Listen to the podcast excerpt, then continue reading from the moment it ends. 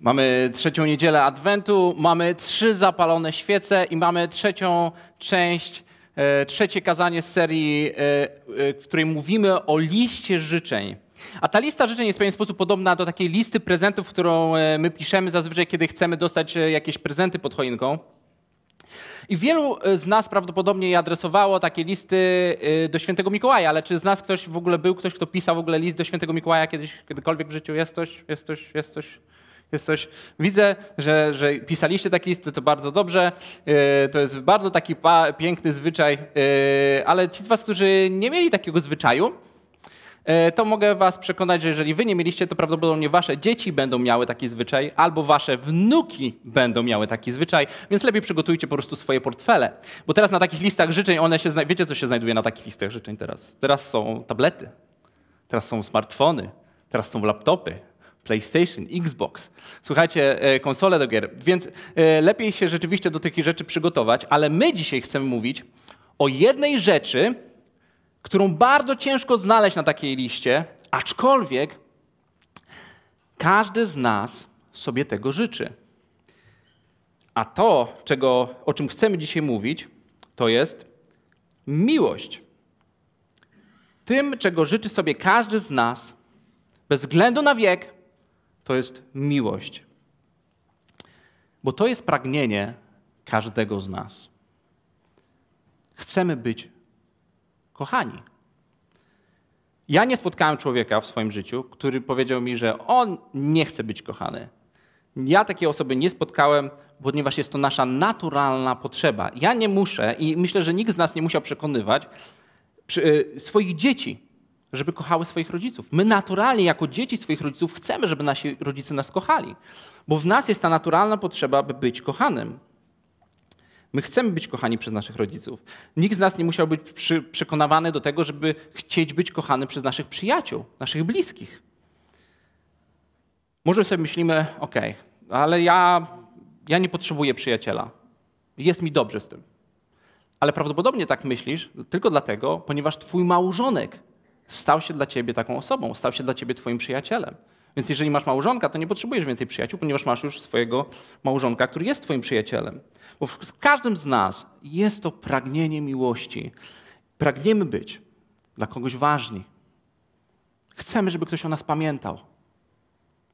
Pragniemy o tym, żeby ktoś pamiętał o naszych urodzinach. Pragniemy o tym, żeby ktoś celebrował nasze sukcesy. Potrzebujemy być kochani pomimo tego, czy popełniamy jakieś błędy, czy nie. Pragniemy być przytuleni, pragniemy być, mieć kogoś blisko, bo okazuje się, że zostaliśmy tak stworzeni, że potrzebujemy siebie nawzajem. Nie jesteśmy stworzeni do bycia w samotności. Sam Bóg już o tym wiedział od samego początku i powiedział o tym w Księdze Rodzaju, w drugim rozdziale powiedział: Źle człowiekowi, gdy jest sam. Nam jest źle, kiedy jesteśmy sami. My jesteśmy stworzeni do relacji ze sobą nawzajem, potrzebujemy siebie nawzajem. Jak bardzo byśmy chcieli tego zaprzeczyć, temu zaprzeczyć, to te pragnienie miłości jest w każdym z nas. A jeżeli tej miłości nie ma, to wnosi to bardzo destrukcyjny, ma to bardzo destrukcyjny wpływ na nasze życie.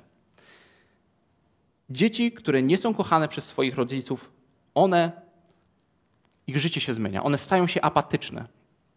Czyli stają się obojętne na drugiego człowieka. Ich serce się zamyka na drugiego człowieka. Jeżeli one nie otrzymują tej miłości, to później nie potrafią nawet interpretować tych uczuć, kiedy ktoś wobec nich udziela. One stają się apatyczne. Takie dzieci nie umieją nawiązywać więzi społecznych, jest im to bardzo trudno wyrażać swoją miłość, swoje uczucia. Czyli te niekochane dzieci nie będą potrafić kochać, lub będą miały ogromną trudność w tym, żeby kochać inne osoby, bo każdy z nas potrzebuje miłości. Każdy z nas potrzebuje być kochanym. My chcemy być kochani, bo człowiek potrzebuje miłości i szuka miłości, ale również jest w stanie dać tylko tyle miłości, ile otrzymał. Ja jeszcze będę rozwijał tą myśl. W 1995 roku w Nepalu rozpoczęto bardzo ciekawe, ciekawe badania socjologiczne, w których chciano sprawdzić wpływ miłości rodziców do siebie nawzajem na rozwój dzieci. W badaniu wzięło około 150 y, rodzin mających albo małe dzieci, albo spodziewających się dziecka, i każdy z tych małżonków Kiedy wzięto tą rodzinę, one wypytano je równocześnie i na osobno, żeby one nie mogły się ze sobą, te małżonkowie nie mogli się ze sobą komunikować lub żeby nie słyszano jakby odpowiedzi, ponieważ głównym pytaniem, które zależało naukowców, to jak bardzo kochasz swojego małżonka. I zadano to um, mężowi, zadano to pytanie żonie i miał, mieli, mieli cztery odpowiedzi. Mogli kochać bardzo, mogli kochać trochę, mogli kochać mało lub mogli kochać w ogóle. W ogóle kogoś nie kochać. I te małżeństwa odpowiadały na cały szereg różnych pytań, ale to było jedno z tych takich głównych. Yy, I po ponad dwóch dekadach badań tych rodzin, czyli po ponad 20 latach badań, okazało się, że dzieci rodzin, w których oboje rodziców wyznało, że bardzo się kochają, uzyskiwało dużo lepsze wyniki w nauce. Udało się też yy, im dostać do lepszych uczelni wyższych oraz te dzieci, co jest bardzo niesamowite, że te dzieci, one znacznie mniej miały doświadczeń takich toksycznych związków, toksycznych przyjaźni. Miały rzadziej złamane serca, ale również później dużo wchodziły w związki małżeńskie, bo nie potrzebowały tej miłości aż tak bardzo. Mogły wejść w dużo zdrowszy yy, związek, ponieważ my sami potrzebujemy tej miłości, my potrzebujemy miłości wokół nas. Nie jesteśmy w stanie funkcjonować bez ludzi, którzy się nawet kochają.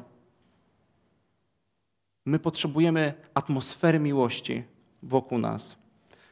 Dlatego takim rozwiązaniem po prostu tego deficytu miłości, jaki panuje z powodu tej potrzeby, jest po prostu kochanie siebie nawzajem. I to jest stosunkowo bardzo proste. To jest dzielenie się miłością. I o tym dokładnie mówi Jan, kiedy pisze swój list. W pierwszym e, liście Jana, w czwartym rozdziale, od siódmego wersetu czytamy: Drodzy, kochajmy siebie nawzajem, gdyż miłość jest z Boga. Każdy, kto kocha, narodził się z Boga i zna Boga. Kto nie kocha, nie zna Boga, gdyż Bóg jest miłością. Jan dokładnie wiedział, że, że jakie jest rozwiązanie na brak miłości. Jest po prostu kochanie siebie nawzajem. Jak wspomniałem, jest to bardzo proste. Ja tobie daję trochę miłości i ty mi dajesz trochę miłości. I się wymieniamy ją nawzajem. Ale skoro jesteśmy w stanie dać tylko tyle miłości, ile jej otrzymaliśmy, to kiedy będziemy próbowali się nią dzielić, to nasz bak miłości, taki jak, jak jest bak w samochodzie, bak z benzyną, ten bak miłości, on bardzo szybko zrobi się pusty. Dlatego Jan zdradza nam również przy tym, jak uniknąć tego deficytu miłości. Potrzebujemy, on mówi tutaj, że mamy zwrócić się do źródła miłości, którym jest Bóg. Ponieważ mamy tu napisane, że Bóg nie tylko nas kocha, ale On jest miłością. On jest tym źródłem miłości. Ja wiele, e, e, wiele razy w swoim życiu ja widziałem prostu takich ludzi, którym się ten bak wyczerpał. Jechali na rezerwie. I ktoś tej miłości nie otrzymał e, i też nie był w stanie nikomu już jej więcej dać. I kiedy nasz bak jest pusty, to my zaczynamy po prostu desperacko szukać miłości. Próbujemy jakoś desperacko go napełnić. I słyszeliśmy, co się dzieje, kiedy u rodziców jest taki brak. Taki bak jest pusty, jest brak miłości. Jaki to ma wpływ na dzieci? Słyszeliśmy nawet o tym, że jaki to ma wpływ miłość do siebie nawzajem rodziców, atmosfera miłości. I coś innego się dzieje, kiedy między rodzicami jest ten bak pusty, co innego się dzieje, kiedy między przyjaciółmi jest taki bak pusty. Ale kiedy jest ten bak pusty, to wtedy stajemy się egoistyczni w tej miłości, bo pragniemy jej, chcemy jej więcej dla siebie. A egoizm miłości doprowadza do tego, że jeżeli nie otrzymujemy tej miłości, to będę ja po prostu szukał jej gdzieś indziej.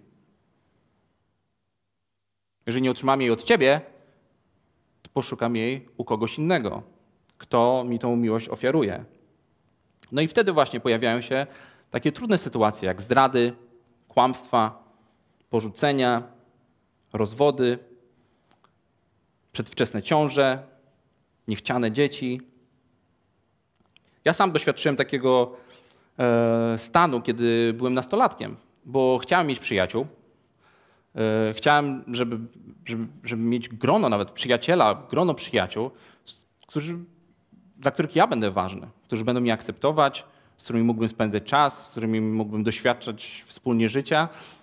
Ale miałem trudne doświadczenia z przyjaciółmi. Miałem ludzi, którzy mnie zdradzali, okłamywali. Miałem przyjaciela, który zdradził moją tajemnicę bardzo dużą, którą mu się zwierzyłem, a on później jakby wykorzystał to. Miałem przyjaciela, który, który myślałem, że jest takim moim prawdziwym przyjacielem, ale okazuje się, że kiedy miał okazję, żeby mnie wystawić i zrobić mi świństwo, to po prostu zrobił to, żeby móc zebrać i, wejść do, do bardziej atrakcyjnej, bardziej popularnej grupy.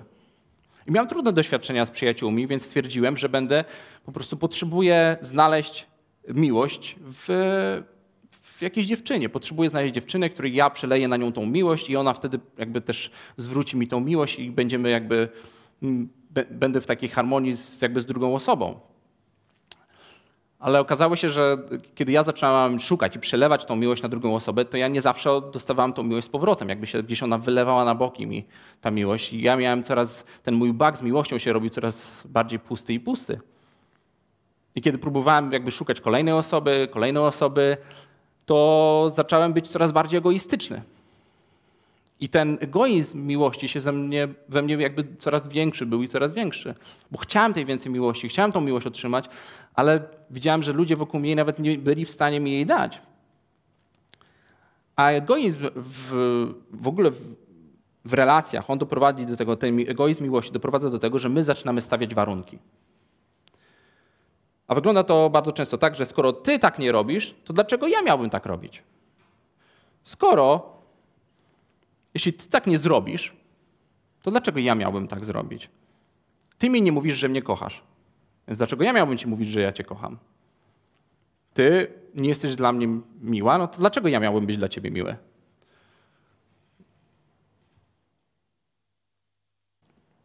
Ty nie pytasz się mnie, co się dzieje u mnie w pracy. Dlaczego ja miałbym się pytać ciebie, co się dzieje u ciebie w pracy? I takie często rzeczy się dzieją, kiedy właśnie ten bak miłości jest pusty i nie jest napełniany. Dlatego my, to co mówi tutaj ewangelista Jan, my potrzebujemy się zwrócić. Co mówi Jan, mówi tutaj, musisz się zwrócić do źródła miłości i uzupełnić te zapasy miłości. Bo to źródło się nie kończy. Bo tak jak wspomniałem, Bóg nie tylko nas kocha, ale Bóg jest miłością. Skąd jednak możemy mieć pewność tego, że Bóg w ogóle nas kocha? A czytamy o tym dalej. W tym uwidoczniła się miłość Boga do nas, że Bóg posłał na świat swojego jedynego syna, abyśmy przez niego mogli zyskać życie. W tym wyraziła się miłość, że nie my pokochaliśmy Boga, ale że On nas pokochał i posłał swojego syna jako ofiarę przybłagalną za nasze grzechy. Nie my pokochaliśmy Boga, On nas pokochał. Bóg poświęcił to, co kochał, byśmy my mogli poznać miłość i rozwiązać ten nasz, tak naprawdę Bóg chciał rozwiązać ten nasz największy problem. To, co było naszym największym problemem, a tym naszym największym problemem jest grzech. Bo problem z grzechem sprawił, że my zostaliśmy odłączeni od źródła miłości, od Boga. Dlatego Pan Bóg chciał, chce tym, tym, tym, tym posłaniem swojego syna to jest Jego próba tego, abyśmy znowu mogli być podłączeni do źródła miłości. Tutaj na ziemi, ale również w wieczności, ponieważ ta relacja z Bogiem z powodu grzechu została zerwana tu na ziemi w wieczności. Dlatego Bóg poświęca swojego jedynego Syna. Tym samym On, tutaj mamy napisane, że On udowadnia to, że nas kocha. Udowodnił swoją miłość do nas i pokazał, jaką miłość powinniśmy również okazywać sobie nawzajem. A jaka to jest miłość? To jest miłość bezwarunkowa. Nie, nie oczekująca nic w zamian i nie wynikająca z jakichś warunków. I to jest przeciwieństwo właśnie tego naszego, tej egoistycznej miłości, w której my po prostu potrzebujemy tej miłości i stawiamy warunki, żeby ją chociaż otrzymać. A tutaj Pan Bóg nie stawia żadnych warunków. Miłość, która nie wynika z żadnych warunków. No oczywiście jest tam pewien warunek, ale to raczej, aby móc z tego skorzystać, nie aby zasłużyć. Czyli podejście, nie musisz nic robić, żebym cię kochał. Nie musisz nic robić. Bóg nas tak ukochał, czytamy o tym tu przecież, że w tym się wyraziła miłość, że nie my pokochaliśmy Boga, ale On nas pierwszy pokochał. Czyli wiemy, że Bóg jest źródłem miłości i to miłości niewyczerpanej. I jako pierwszy nas pokochał bez stawiania warunków. A więc czytamy dalej, jedenasty werset. Drodzy, skoro Bóg nas tak ukochał, i to my, i to, to i my powinniśmy kochać się wzajemnie. Boga nikt nigdy nie widział, jeśli jednak kochamy się wzajemnie, Bóg trwa w nas i Jego miłość osiągnęła w nas doskonałość. Boża miłość w nas ma potencjał do tego, by inne osoby doświadczyły tej miłości przez nas. I tu mamy bardzo prosty przepis, tak? Jeśli kochamy siebie nawzajem, trwamy przy źródle miłości, którym jest Bóg, to ta miłość jest doskonała. Ona jest w doskonałym miejscu. My jesteśmy w doskonałym miejscu. Jesteśmy w centrum naszego powołania, kiedy kochamy inne osoby, kochamy siebie nawzajem. I tak jak wspominałem, ten problem pojawia się wtedy, kiedy chcemy kochać innych, ale nie trwamy w źródle miłości. I to jest bardzo to ważne słowo, które chciałbym, żebyśmy dzisiaj zapamiętali. I będę to teraz rozwijał. Aby trwać. Trwać w miłości. W jaki sposób być podłączonym? Kiedy nie trwamy w Bogu, to tej miłości po prostu nam zacznie brakować, tak jakbyśmy odłączyli się od, od źródła, od podłączenia do Boga i tego źródła miłości. Bo będziemy chcieli kochać nagle innych, ale tej miłości zaczyna nam, będzie nam, zacznie nam brakować. I bardzo często e, ta sprawa e, e, się zdarza, że ja mam jakąś rezerwę miłości i kiedy trzymam tą rezerwę miłości, to jestem w stanie tylko na przykład kochać moich bliskich, moje dzieci, ale już nie starcza mi ich, tej miłości dla innych ludzi. Bo mamy nagle taką sytuację, tak, że mówimy, no ja bardzo kocham swoje dzieci, ale już tej baby, co mi się wcisnęła w kolejkę przy kasie, to już nie za bardzo ja już będę ją kochał. Drzwi mojej żonie ja pięknie otworzę do samochodu, proszę kochanie, zapraszam cię, usiądź sobie wygodnie, ale jak ruszamy już samochodem, no to już byśmy chcieli pozabijać wszystkich tam, co tam są ci na drodze, co ci tam zrobili, co nie trzeba. Możemy sobie swojemu dziecku nawet wybaczyć zrzucenie telefonu.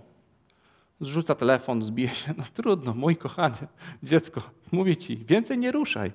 Ale już inne sytuacje dla kolegi w pracy, który popsuł ci twoją prezentację. Mieliście przygotować ją razem, on miał swoją, zrobić swoją robotę, ale nie przygotował się.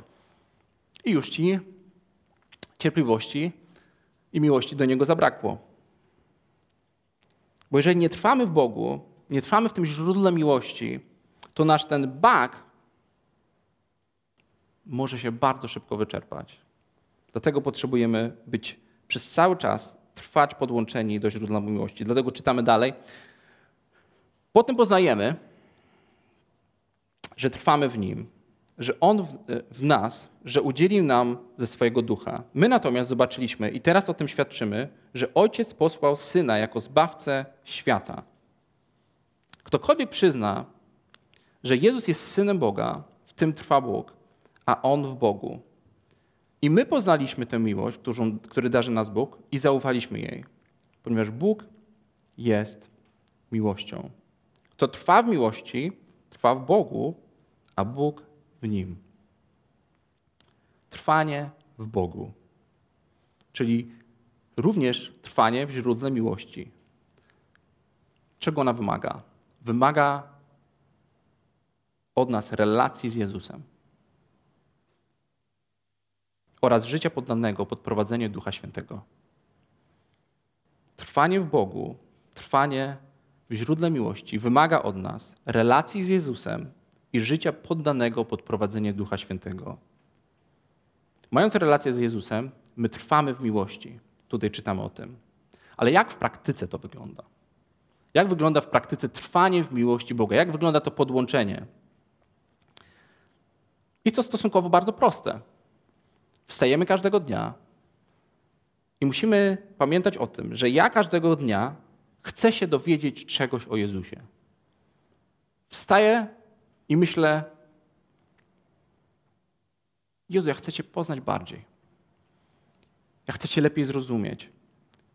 Ja chcę poznać, co Ty powiedziałeś. Chcę poznać, co zrobiłeś. Jezu, ja chcę się, żebyś Ty mnie nauczył, co jest ważne, co jest potrzebne, w jaki sposób żyć. Ja w ciągu swojego dnia, ja chcę się chwilę zastanowić, co miałeś na myśli, kiedy o tym mówiłeś. Ja chcę zapamiętać to, co Ty mówiłeś. To jest na przykład uczenie się wersetów na pamięć. Chcę zapamiętać to. Chcę, żeby Duch Święty powtarzał we mnie te słowa. Dlatego właśnie my potrzebujemy, kiedy wstajemy i chcemy być podłączeni trwać w miłości, potrzebujemy chcieć poznać Jezusa każdego dnia, ale również przy tym wszystkim ja chcę pozwolić Duchowi Świętemu, by On mi pomagał stosować to, co mówi Jezus. Bo wiara bez uczynków jest martwa. Nie chcemy poznać Jezusa, żeby tylko Go poznać. My chcemy, żeby On zmienił nasze życie. My chcemy, żeby, żebyśmy mogli być takimi jak Jezus. To jest to właśnie trwanie w miłości. A jeżeli trwamy w miłości, to pomaga nam to kochać innych. I wtedy możemy mieć pewność też, że my nie będziemy odłączeni od źródła miłości i ten nasz bak nie stanie się pusty, kiedy będziemy chcieli kochać innych, dawać innym miłość. Jeżeli chcemy poznawać Jezusa, możemy to robić przez nasz indywidualny czas z Bogiem. Możemy siadać z Biblią w domu, poświęcić chociaż chwilę, żeby poznać Go. Nie dlatego, że trzeba. Nie dlatego, że jest napisane, abyśmy czytali, abyśmy poznawali, ale dlatego, że chcemy. Chcemy poznać Chrystusa. Chcemy być z Nim w relacji. Chcemy trwać w Bogu. I taką rzeczą też może być dołączenie się do grupy, do małej grupy, na której my wspólnie studiujemy, czytamy, myślimy o, małej, o, o Panu Bogu, to, o czym On powiedział, możemy wymieniać się swoimi zdaniami. To, co nawet jest trudne dla nas, możemy w pewien sposób y, wspólnie dochodzić, co Bóg miał na myśli. Inną rzeczą jest to, że możemy, jeżeli teraz się zbliża nowy rok, to wspaniałą rzeczą jest, żeby trwać w Bogu, trwać w miłości Bożej, jest to, żeby rozpocząć plan czytania Biblii. Jeżeli nigdy nie przeczytaliśmy nawet całego Nowego Testamentu, zróbmy sobie plan na nowy rok. Niech ten nasz rok będzie inny. Aby wyciągnąć i, i chcieć podłączyć się do trwania, być trwać w miłości Boga. I będziemy każdego dnia siadać i chociaż go trochę więcej poznawać. Co on mówił, czego nauczył, co zrobił. I dlatego też czytamy dalej od 17 wersetu. W tym właśnie miłość osiągnęła względem nas doskonałość. Dzięki temu możemy z ufnością i z odwagą wystąpić w dniu sądu. Żyjemy bowiem w tym świecie jako Jemu podobni. Bo jeżeli trwamy w Bogu, mamy relację z Jezusem, to moja miłość jest w doskonałym miejscu. Ja jestem w centrum mojego powołania. I tutaj ten fragment mówi, celem też podłączenia się, trwania w miłości, bycia w stanie kochać innych, ona wymaga tego, że my staniemy się takimi jak Jezus i to jest celem. Staniemy się podobni do Jezusa. Możliwe, że to jest lekcja, którą bardzo dobrze znamy, którą gdzieś tam słyszeliśmy, ale mam nadzieję, że to stanie się naszym pragnieniem. Nie tylko musem, który my musimy gdzieś tam wykonać, ponieważ tak trzeba, ale dlatego, że pragniemy tego, zechcemy poznać lepiej Jezusa, bo On jest niesamowity może zmienić nasze życie, może zmienić życie wokół nas. I pomoże nam sprawić, że będziemy w stanie kochać siebie nawzajem i tej miłości nam nie zabraknie. I nasz świat wokół nas będzie wyglądał zupełnie inaczej. A my na dniu sądu będziemy mogli usłyszeć: Sługo, dobry i wierny. Trwałeś w mojej miłości, trwałeś w Bogu, a ja trwam w Tobie. Bo Bóg jest źródłem miłości, z której czerpiemy, by kochać innych. Jednak, by móc kochać innych, potrzebujemy najpierw sami jej doświadczyć w Jezusie. Jeżeli nigdy nie doświadczyłeś Bożej miłości w Jezusie, to dzisiaj zwróć się do Jezusa. Przyjdź do Niego. Jezus przyszedł na ten świat, aby pokazać nam też, że nas kocha. On ofiarował samego siebie. Nie tylko Bóg pokazał nam miłość, ofiarowując swojego Syna, ale Jezus nam pokazał swoją miłość przez ofiarowanie samego siebie.